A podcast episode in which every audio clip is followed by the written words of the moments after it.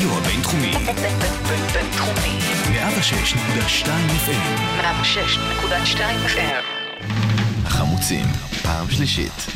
המערכת הפוליטית על ספת הפסיכולוג. עם הפרופסור בועז בן דוד והפרופסור גלעד הירשברגר. אז שלום, אנחנו החמוצים, פרופסור בועז בן דוד, פסיכולוג קוגניטיבי מבית הספר ברוך איפצ'ר לפסיכולוגיה במרכז הבינתחומי הרצליה. גלעד נמצא עכשיו בחופשה בספרד, רודף, בורח יותר נכון מכל מי שנראה כאילו יש לו קורונה ומטייל לו, ועל כן מי שהגיע הוא שחקן החיזוק דוקטור שלמה אגוז. מהחוג לפוליטיקה ותקשורת במכללה האקדמית הדסה, והוא מאיר עבורנו אה, זוויות פוליטיות, או יותר נכון נקרא להם זוויות מדע המדינה, שאנחנו מאירים פחות. אנחנו בעונה שלישית מנתחים את מערכת בחירות 2020, מועד ג' מזוויות פסיכולוגיות, קצת רבים, קצת מקטרים. מזכיר לכם את כתובת האימייל שלנו, hamuzim.idc@gmail.com, h-a-m-u-z-i-m.idc@gmail.com. אפשר למצוא אותנו בפודקאסט בכל אפליקציה קיימת, פשוט חפשו הכמודי החמוצים. בגוגל, ספוטיפיי, אייטיונס, איפה שבא לכם, המון פרקים מהעבר, או בלייב, אתם לא תאמינו, שבוע הבא, פרק אחרון, לפני הבחירות, גלעד יחזור לכאן עם קורונה או בלי, אנחנו נדאג לאטום את האולפן, יהיה לנו פרק אחרון לפני הבחירות, שמעו אותנו בלייב, יום שלישי, שבוע הבא, בשעה 2, 106.2 FM. וכרגיל, לפי המסורת, יהיה לנו, כבר יש מסורת, זה בכל זאת פעם שלישית שיש בחירות, יהיה לנו ביום הבחירות שעתיים שבהם נשדר בין 4 ל-6, תוך כדי יום הבחירות בהם נחלוק אה, חוויות וננסה לנתח את הדברים כמו שהם מתפתחים במהלך היום. אז אם בפרק הראשון דיברנו על כחול לבן וערבי, ניסינו להבין האם יש שם שיתוף פעולה או אה, שיתוף פעולה שמטרתו להראות שלא משתפים פעולה בשביל לא לשתף פעולה, אבל כן לדאוג לכל אחד לשני. אתה רצית להעלות נושא ורצית לדבר על ליברמן, שהוא איש חידה במערכת הפוליטית כבר הרבה מאוד שנים, ואתה רוצה לטעון שליברמן עשה הצהרה שאמורה הייתה להרעיד את אמות הסיפים, אבל איכשהו חלפה מתחת לרדאר של כולנו. זאת אומרת, ליברמן נהיה שמאלני, יפה נפש, אוהד הפועל, הולך לפילהרמונית, מה עוד אני יכול להוסיף שם? זהו. זה מה שאני לא אומר. שותה אספרסו. זה מה שאני לא אומר. אוקיי, נגיד קדימה. ככה, מה שראינו לפני ההפסקה היה שכשמישהו רב עם מישהו, Mm-hmm. לפעמים הוא בעצם בא לעזור לו. באותה מידה, לפעמים בפוליטיקה כשמישהו מחבק מישהו, כמו שדרעי חיבק את הליכוד ואמר שנתניהו צריך אריה חזק, ממשיך הוא לחבק, הוא כן. בעצם מתחרה בו על קולות, הם מתגוששים באופן נכון. בלתי נראה. ומה לגבי הפלירט הזה של ליברמן עם מרץ? אז בוא נעצור רגע, בוא נתחיל בעובדות. בוא כן, נתחיל בעובדות. מה, מה קורה? יש רעיון של ליברמן, אם אינני טועה בוויינט, ואחר כך בעוד מקום, שבו הוא אומר, אני לא פוסל, אה, שבת תרבות בשוהם גם. תודה רבה, אני לא פוסל, היית שם? לא, אבל שמעתי. יפה, אתה משקיע. הוא לא אמר שם אני לא פוסל את מרץ, הוא לא התבטא ככה, הוא אמר אני לא פוסל לשבת איתם. אני כבר ישבתי בממשלה יחד עם פרץ. אה, להזכירכם, מספר 2 שלהם הייתה אצלי ברשימה. אין לי שום בעיה לשבת איתם, הוא אפילו אמר מרץ הם חלק קטן ברשימה הזאת, אין לי בעיה לשבת איתם בקואליציה. מחרה מחזיק אחריו בריאיון בוויינט ניצן הורוביץ ובעוד מקומות. תכף תגיד לי איפה עוד ראית? לא? עד כאן? אוקיי. ניצן הורוביץ, למי שיודע, יושב ראש מרץ, שהוא יושב ראש משותף של אותה רשימה מאוחדת משותפת אמת, בא ואומר, לי אין שום בעיה לשבת עם ליברמן ביחד באותה קואליציה. מה קורה כאן? למה זה לא מזיז לאף אחד? וליברמן גם uh, אומר שמצד אחד הוא מקטין את מרץ כדי להצדיק את המהלך, ואומר, כן, אה, כן. חלק כן, קטן חלק לעבוד על קטן. גשר מרץ, כן. ומצד שני מעצים את האלוף גולן, שהוא מלוחמי השדה הטובים שהיו לנו, נכון. ואי אפשר לפסול אותו. נכון, אה, אבל אני, צודק, שכחתי את זה. כן, אני, אני רוצה לתהות אם באמת פירוש הדבר שליברמן מכין את הקרקע להליכה לממשלת שמאל, וייתכן, לדעתי, שזה רק כמוצא אחרון. ברשותך, גם כאן אני אתייחס למשהו מתורת המשחקים, למרות שאני לא מאמין גדול בתורה, ואתה ישר מתווכח איתי עליה, ואז אני צריך להגן עליה, אבל היא תורמת חלילה. לנו תובנות. קדימה, ואחד תחכים המשחקים אותנו. הידועים ב- בתורת Mhm. המשחקים הוא משחק הפחדן. שלקוח, כן, לצערנו לקוח מהחיים, משחק הרסני ומטורף, אל תנסו את זה, שבו שני נהגים אה, מסיעים את מכוניותיהם זה לעבר זה במהירות גבוהה, כשהמטרה של כל אחד מהם היא להביא את השני, לה- להיבהל ראשון ולהסיט את רכבו הצידה, וכך ניצחת, יצאת אמיץ. מי ניצח- ממצמץ ראשון? בדיוק, מי ממצמץ ראשון, זה הניסוח המדויק. אה, אבל כמובן, העניין הוא, אתה מנצח אם יצאת האמיץ, אבל אם שניכם יצאתם אמיצים, שניכם הפסדתם הכי בגדול. נכון. תאונה קטלנית, אז... ואם שניכם פחדנים, אולי זה לא הישג גדול. אולי זה לא הישג גדול, אבל אף אחד לא הפסיד. כן, אף אחד לא הפסיד במשחק ואתה לא נפגע. זאת אומרת, אתה אומר, אוי, זה זווית שאני פחות מכיר של המשחק. אני תמיד חשבתי על השניים שלא מוותרים וגורמים למוות. אתה אומר, רגע, רגע, אם יש דבר נוסף שלא חשבת עליו, אם שני הצדדים מוותרים, למעשה לא קרה כלום. אף אחד לא ניצח, אבל אף אחד לא מת. לא הפסיד, נכון. שזה סוג של הצלחה מסוימת. אז העניין הוא, זה מוביל למצב שבו מה שכדאי לאחד השחקנים לעשות, תלוי במה שהשני יעשה, רק שהוא לא יודע את זה. כלומר, okay. אתה אוקיי. יכול או לצאת מנצח בגדול, אמיץ, ניצחת במבחן האומץ, או לצאת מת, או פגוע מאוד, כן? אוקיי. ו- וזה, אתה תדע מה מהם אתה תצא, רק אם תדע איך השני יפעל במשחק. אוקיי, ברור. Uh, ועכשיו, יש לזה אלגוריות ל- ל- שאפשר למצוא בתחומי הפוליטיקה. בסדר. משבר שעלול להוביל למלחמה. אוקיי. כן, למשל, טראמפ ומנהיג צפון קוריאה מאיימים זה על זה, וזה עלול לגלוש. נכון. אבל אם לא, ניצחת. אה, אוקיי. ו- בעצם גם אצלנו, למה ללכת רחוק? גנץ וביבי. מי ראשון אה, יסכים למצמץ ולהיכנס לקואליציה, ואף אחד מהם לא מצמץ, זה מה במועד שרציתי, ג'. בדיוק. מה שקרה זה סוג של תאונה לכאורה, כלומר שיחקו משחק פחדן, כן. אה, כאשר אף אחד לכאורה לפחות לא רצה להגיע למצב ששוב בחירות, אמון הציבור יורד, העלות התקציבית גבוהה, המדינה במשבר משילות שלא היה כדוגמתו, אבל הגענו לשם כי כל אחד חיכה שהשני יוותר, לפחות לכאורה, כך זה נראה. ו- וסיימנו סיימנו את המשבר הזה באיזושהי צורה, ואנחנו שוב בבחירות.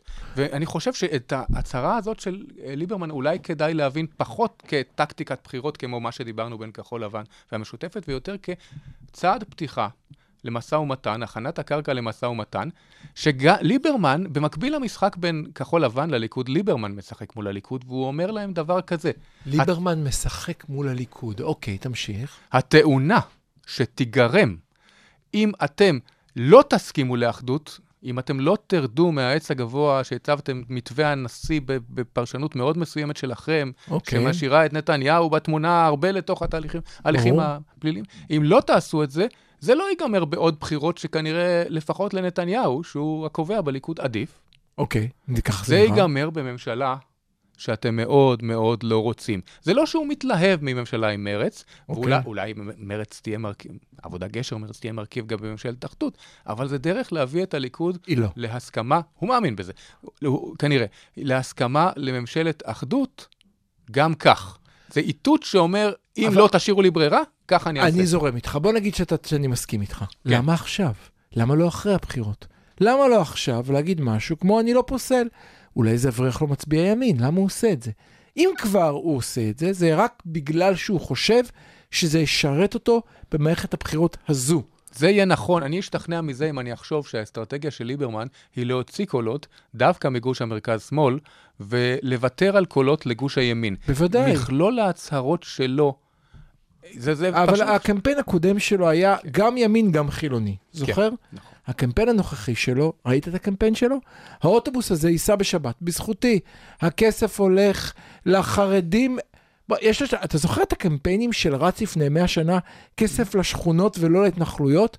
מה הקמפיין היום של אה, ליברמן, אביר הימין הקיצוני, כן. כסף לא ל... הוא לא אומר מתנחלים, חלילה, הוא תוקף את החרדים ואת הישיבות, ואומר במקום לשלוח להם כסף, משלמים כסף לבתי חולים. ההיגיון שמאחורי קו כזה, זה שליברמן רוצה אולי דווקא להחליש את גוש המרכז-שמאל ולא את הימין, ולחבור לליכוד בסוף. אני נוטה לחשוב, לאור כל ההתבוננות בהתנהלותו של ליברמן מאז מאי, שהמטרה הגדולה שלו היא לדאוג לכך שנתניהו לא יישאר במערכת הפוליטית, ואז אני באמת מעריך שהוא כנראה יתיישר שוב לימין. זה לא עולה בקנה אחד עם מה שאתה אומר. להערכתי, ליברמן מבין שפוליטיקאי טוב צריך להיות איש בעל אלף פרצופים, ואנחנו רואים אותו עושה את זה, אבל הוא גם מבין שאתה, בשביל האמינות שלך, צריך לפתוח פתח לז- לזיגזג, שזה לא ייראה כסתירה פנימית. צריך לפתוח פתח למהלך הבא. בבחירות הקודמות הוא היה מחויב מדי לדברים שכבלו אותו ולא אפשרו לו להקים ממשלה. ליברמן ברדיו 90 מהבוקר, כן. אחרי שני במרס תהיה ממשלה. תנו לי, אני אקים ממשלה. אכן. ביבי סיים, אבל אהיה מוכן לשבת גם עם דרעי, גם עם גפני וגם עם ביבי, אם יקבלו, תקשיב לב מה הדרישות שלו, נישואים אזרחיים ותחבורה ציבורית בשבת. אתה יודע מה? הרי אם אתה מכיר את השמועות העיקשות שכמעט נסגרה עסקה איתו והוא הפתיע את כולם שהוא החליט בדקה ה-90 לא להיכנס לקואליציה. כן, כן. ביום האחרון של, ה, של הדדליין של מועד ב', מכיר את, ה, נכון, כן, את כן. התיאוריה הזאת? נדמה לי שגם ש"ס וגם אגודה בכיף יכולים להתפשר בשני הדברים האלה. לא יקראו לזה ני- נישואים אזרחיים, זה יהיה ברית זוגית, לא יקראו לזה אוטובוס שבשבת, יקראו לזה אה, פלטת שבת, אה, מעלית שבת, הרי יש כאלה דברים. אם כך, אם כך, ממש כמו שראיתי... ממש נשמע כאילו הוא פותח לעצמו פתח לממשלת ימין פלוס פלוס. ובמקביל, כפי שראינו, הוא פותח פתח גם לממשלה מסוג אחר לגמרי. כן. למעשה, כמו שניתחנו את ההתבטאויות האחרונות והבולטות שמאותתות משהו לליכוד, הוא מאותת גם משהו לצד השני, וזה עולה בקנה אחד עם ההחלטה שלו שלא תהיינה בחירות רביעיות, אלא הוא יקבל החלטה. אבל זה גורם לאנשים להתקרב זה לזה יותר. אני כאן רוצה, אני רוצה להגיד שני דברים. כן. אחד, נדמה לי שבמערכת הבחירות הזאת, וכבר דיברנו על זה בתוכנית, אחד הדברים שמזהים הפוליטיקאים, זה שלציבור נמאס. כמו נצטט את אורנה בנאי, העם נקעה רגלו. ומי שייתפס אשם, ישלם מחיר. יפה. איכשהו הצליח ליברמן לחמוק מהאשמה. אלוהים יודע איך. לא ברור לי איך. הייתה תקופה שהבונטון היה להגיד ליברמן אשם, הוא איכשהו חמק מזה, לדעתי הוא חמק מזה כי ביבי הפסיק לתקוף אותו, מהמם. ואז כי ביבי לא, אין לו אינטרס, כי אז בחיים לא הצטרף אליו. נתניהו, גם אני לא מבין איך חמק מזה, גנץ גם חמק מזה, בין היתר אולי בגלל שאנשי נתניהו הולכים אחריו ואנשי כחול לבן מוכנים לעשות כל דבר רק שלא יקראו לו ביבי, אז זה מסתדר. ואנחנו מגיעים עכשיו לקמפיין שבו אה, התחיל את זה דרך אגב כחול לבן, שאמרו חייבים להתקדם. כלומר, מי שמצביע לי יפתור את הבעיה, דומה לקמפיין של בוריס ג'ונסון עם הברקסיט, אני אגרום לזה לקרות. Mm-hmm. כבר לא אכפת לך, כן ברקסיט, לא ברקסיט, כבר די עם הבלגן, אומר בוריס ג'ונסון ועומד במילתו. אתם לא אוהבים את הברקסיט, אבל נמאס לכם הברדק, אני אגרום לזה להסתיים עליי. עשה את זה. אומר גנץ, תצביעו לי, נתקדם, נעבור. בא אומר נתניהו, מיד מגיב, הדרך היחידה למנוע בחירות נוספות זה רק ליכוד חזק. מחל ועוד מחל ועוד מחל. בא ליברמן ואומר, אני אדאג שלא יהיו בחירות נוספות. תצביעו לי, אני אצטרף לאלה, אצטרף לאלה, גם אשמור על האינטרסים שלך, וגם אדאג שבסוף תהיה קואליציה. לא רוצה ארבע- מועד ד', תצביע ליברמן. נראה לי זה המשחק. ועדיין, ועדיין, אני חושב, זה חלק מהמשחק, זה שכבה נוספת שלא סותרת את כל מה שאמרתי, אבל אני רוצה לדבר טיפה על קהל היעד של ליברמן. קדימה. מאיפה הוא עוד יכול להוציא קולות? איפה הוא רוצה להביא אנשים? בוא נדבר על ואני זה. חושב שהמגרש הזה שדיברנו עליו קודם, של אותם כמה מנדטים, מעריכים אותם כשלושה של גוש הימין, שעדיין קשה להם. ו- קשה ו- להם ממה? קשה להם עם ה... עם, ה... עם נתניהו. כן, בהחלט. קשה להם עם אוקיי. המצב הנוכחי ועם נתניהו. אז הם ימצאו רגע. בליברמן אה, רגע, מושיע? רגע, רגע. אוקיי. יש ביניהם אנשים שהם ימין מדיני, אבל החילוניות של ליברמן מדברת אליהם. החילוניות. ההדגשה של החילוניות מכוונת לשם, ולא רק לאנשי יש עתיד, שאני גם חושב שיש בוחרי יש עתיד מאוד מתוסכלים, כי כחול לבן היא סופרמרקט, נכון. וגנץ לא בדעות של כחול לבן בתחום הדתי-חילוני, ואנחנו גם רואים שיש איזה... גנץ לא בדעות של כחול... סליחה, של יש עתיד בתחום הבנתי. הדתי-חילוני. אוקיי. הוא מייצג משהו שונה, אנחנו יודעים גם שהוא לא היה נלהב מגיוס חרדים לצבא גם כשהיה רמטכ"ל. נכון. אגב, אדם מרקע דתי, אה, גנץ, כן. לחלוטין. ואני חושב, יש, יש נכון קהל של יש עתיד, אני לא בטוח שליברמן חושב שהוא יוציא מהם הרבה יותר ממה שהוא הוציא. אני חושב שיש מאבק בין שלוש הגורמים הללו על קולות שחלקם עדיין הצביעו בגוש הימין, לא רבים יעברו, וחלקם ישבו בבית. אז אתה אומר, שוב, ליברמן אומר, צאו מהבית, השבת בסכנה. החיים שלכם בסכנה. אבל זה הימין- לא החיים שלכם. אה, לא, אורח החיים שלכם. לא, אורח... זה, אבל צריך... החופש שלכם בחיים. אבל צריך להגיד דבר מאוד מדויק. נתניהו וימינה אומרים כל הזמן, החיים שלכם בסכנה. זוכר את הקמפיין הקודם? החיים עצמם, הערב- מ-2015. אבל עזוב 2015, מועד כן. ב', הערבים רוצים להרוג את כולנו, אה, גברים, נשים ו- ו- וילדים הולכים להרוג את כולכם. החיים שלכם בסכנה. ליברמן לא הולך על החיים שלכם בסכנה. ליברמן בעצם מוכר את עצמו אה, צומת. זה מה שאתה אומר, הוא נהיה צומת. גם ימין, מזמן. גם חילוני. מזמן, אבל אסור לשכוח שמאז צומת התווספו פה הרבה עולים ממדינות כן, אה, שם הבסיס ברית שלו. המועצות. כן. צומת עוד הייתה כשהם הגיעו, אבל זה לא, לא, לא, הלך אבל- והתחדד. כן, כן, כן. ואליהם זה מאוד מדבר, הוא התפשר על הצרכים שלהם בנושאי חילוניות נכון. בעבר, ו... משה ליאון, סליחה. משה ליאון, אה, וכל הברית הקדושה שהייתה לו עם דרעי. בוא, יש כאן עבר. מעניין אם משה ליאונרד ינסה לתווך אחרי התקרית האחרונה שתיארת, כן. אה, ביום האחרון לפני התפזרות הכ- הכנסת. אז השמועות היו למי שפספס, השמועות הן שמשה ליאון הוא השושבין, שניסה בדקה ה-98 עמוק לתוך uh, זמן הפציעות, לנסות לייצר קואליציה בין הליכוד לגוש, לבלוק, סליחה, לבלוק, לבין ליברמן. כבר הכל נחתם, אבל ליברמן ברגע האחרון חתך.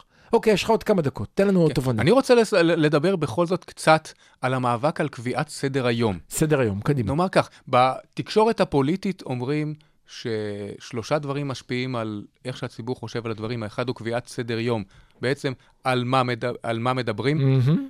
Uh, השני הוא framing, בעצם, התרמה, העלאה של נושא למודעות, שאתה חושב גם על הנושאים האחרים בקונטקסט של הנושא הזה. למשל, אתמול שמעתי כבר סיקור תקשורתי על הבחירות בצל הקורונה. איפה יצביעו חולים, והאם יהיו fake news. סביב ה fake news ביום הבחירות שישפיעו על אחוזי הצבעה במקומות שונים בגלל קורונה וכולי. למה? כי כשאתה חושב על זה, הדעות שלך על דברים שונים מושפעות. עולה נושא של יחס לקבוצה מסוימת, אתה תוהה, מה חושב המועמד ההוא על... וזה לא היה קודם. ופריימינג, איך אתה מספר את הסיפור, בחירת המילים. מסגור, ההמשגה. אני רוצה לדבר על קביעת סדר יום. אז, נטען- אז בוא רגע נחזור, מה שאמרת, אמרת אחד, סוף סוף מדברים מדע, איזה יופי. אחד, סט קביעת סדר יום.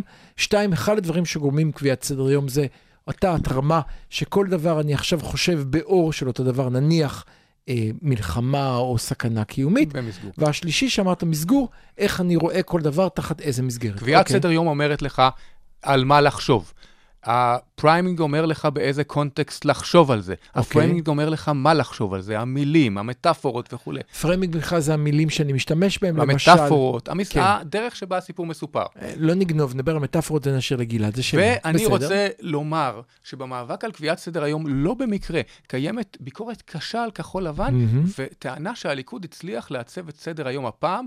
הלאה משחיתות, הוויתור על החסינות עזר להם, לא מדברים על ולכיוון השחיתות, אתה תוכנית צודק. מדינית. לכיוון... כי אבל אבל תוכנית זה כבר פסה. עברו מזה שבועיים. נכון, אז זה העניין. הם ניסו לעשות איזשהו סדר יום ביטחוני, מדיני, סדר יום ביטחוני טוב לימין. הייתי פה, התארחתי אצלכם בתוכנית נכון, בעבר, אמרתי, נכון. טוב לימין. השמאל כן, זקוק לסדר יום חברתי-כלכלי. כן, כן.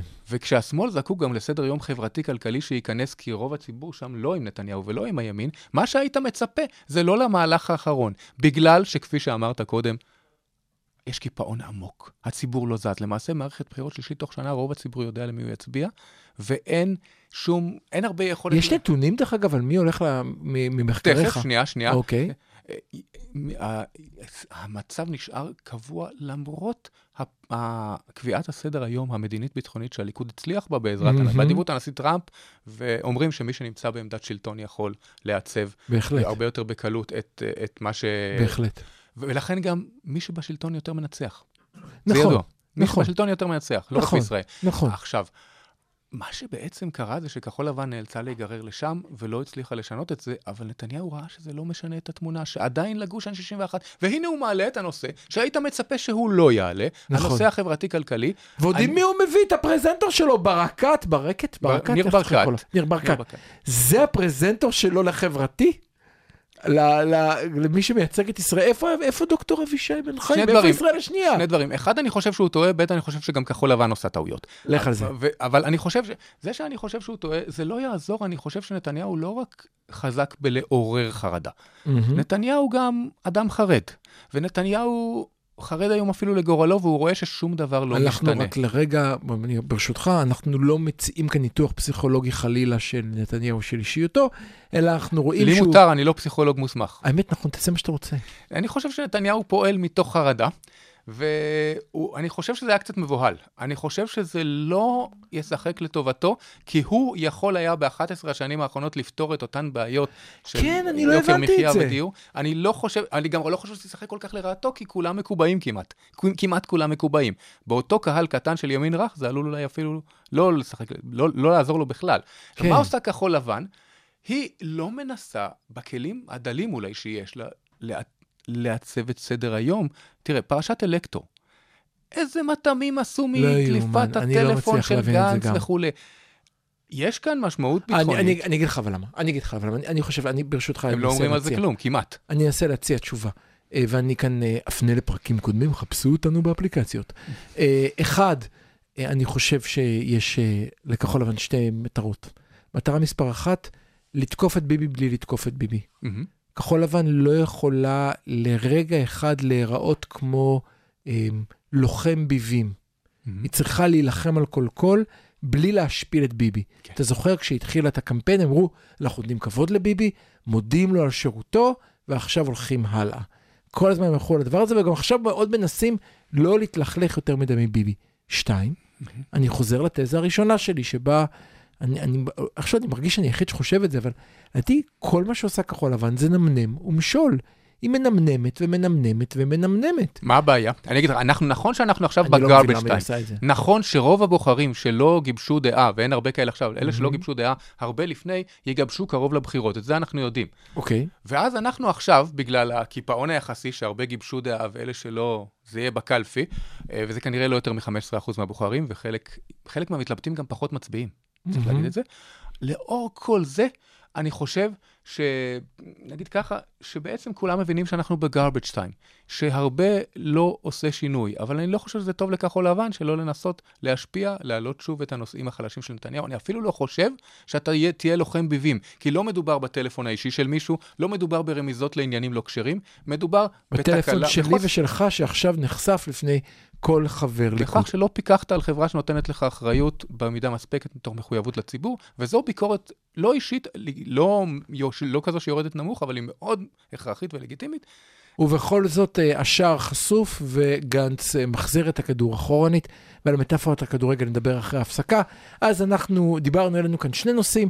הנושא הראשון שניסה לדבר עליו הוא אה, הרומן החדש והמעניין ברליבר, בין ליברמן לבין מרץ, אה, האלוף אה, יאיר גולן, שנחשב כסדין אדום בפני מצביעי הימין ושופרי הימין. וליברמן הגן עליו עוד לפני, עוד לפני שנכנס לפוליטיקה. ליברמן. הגן, הגן עליו עוד קודם, בצבא. יש לומר, מתוך אה, אה, חיבה אישית, אני חושב אפילו כנראה. שיש בין השניים. וגם שמעתי את גולן מדבר, מאותת לליברמן דברים לפני הבחירות לח- הקודמות. לחלוטין.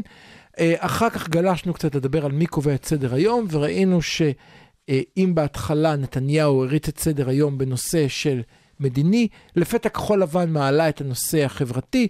מי שהאזין לפרק שבוע שעבר שם לב שאנחנו אמרנו שזה לא יצליח. אומר כאן אה, אה, דוקטור אגוז, רגע שנייה, אולי זה דווקא כן הצליח, תראו, הגיב לזה מיד הליכוד, אולי מתוך חרדה, אולי מתוך אה, איזה אה, אפקט פבלובי של תגובה, אבל זה בהחלט לא גרם למצביעים לנהור אל אביר החברתי, האיש שלא יודע כמה עולה חלב, מילא לחם חלב? אני אבל חושב שלליכוד לקח שבוע להגיב, זאת אומרת, הנושא כן. ירד מסדר היום עד אבל שהליכוד... אף אחד, הוא לא קונה חלב? אני לא מבין אותו. ברקת, חלב במכולת? שני חלב ב-11 שקל. אה, ואנחנו עוברים לשיר, ואחר כך, כהרגלנו, כמה דברים קטנים ומשעשעים ומעצבנים.